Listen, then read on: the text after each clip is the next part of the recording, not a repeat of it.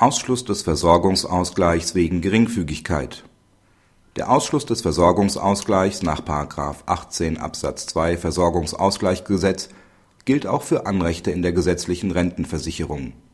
Die nach § 18 Absatz 2 Versorgungsausgleichsgesetz gebotene Ermessensausübung des Familiengerichts verhindert unbillige Ergebnisse. Das Amtsgericht scheidet die Eheleute den Versorgungsausgleich hat es mit Rücksicht auf die Regelung des § 2 Versorgungsausgleichsüberleitungsgesetz ausgesetzt. Nach dem 1.9.2009 nimmt das Amtsgericht das Verfahren wieder auf. Es regelt den Versorgungsausgleich und überträgt im Wege der internen Teilung dem Konto des Ehemanns 1,8131 Entgeltpunkte vom Konto der Ehefrau.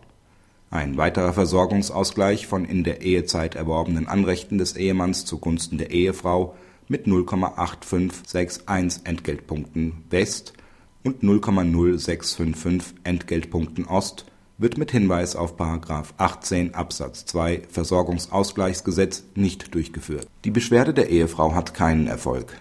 Ein Ausgleich findet nach § 18 Absatz 2 Versorgungsausgleichsgesetz nicht statt.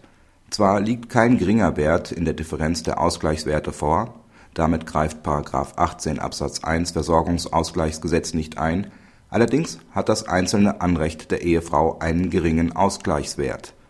Der Gesetzgeber verfolgt mit der Regelung des § 18 Absatz 2 Versorgungsausgleichsgesetz eine Vereinfachung. Das Gericht hat hierbei ein Ermessen.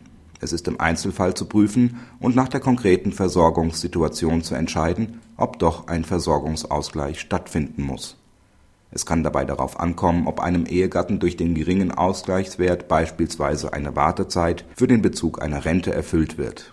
Im vorliegenden Fall sind beide Beteiligte auf die Durchführung des Versorgungsausgleichs angewiesen.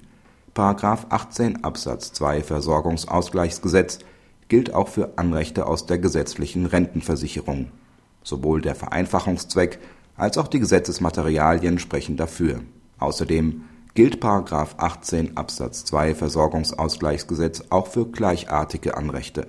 Kritik Die nicht rechtskräftige Entscheidung des OLG Stuttgart zeigt, dass der vor dem 1.9.2009 nahezu ausnahmslos geltende und strikt eingehaltene Halbteilungsgrundsatz im Versorgungsausgleich offenbar nach der Reform des Versorgungsausgleichs nicht mehr immer gelten soll.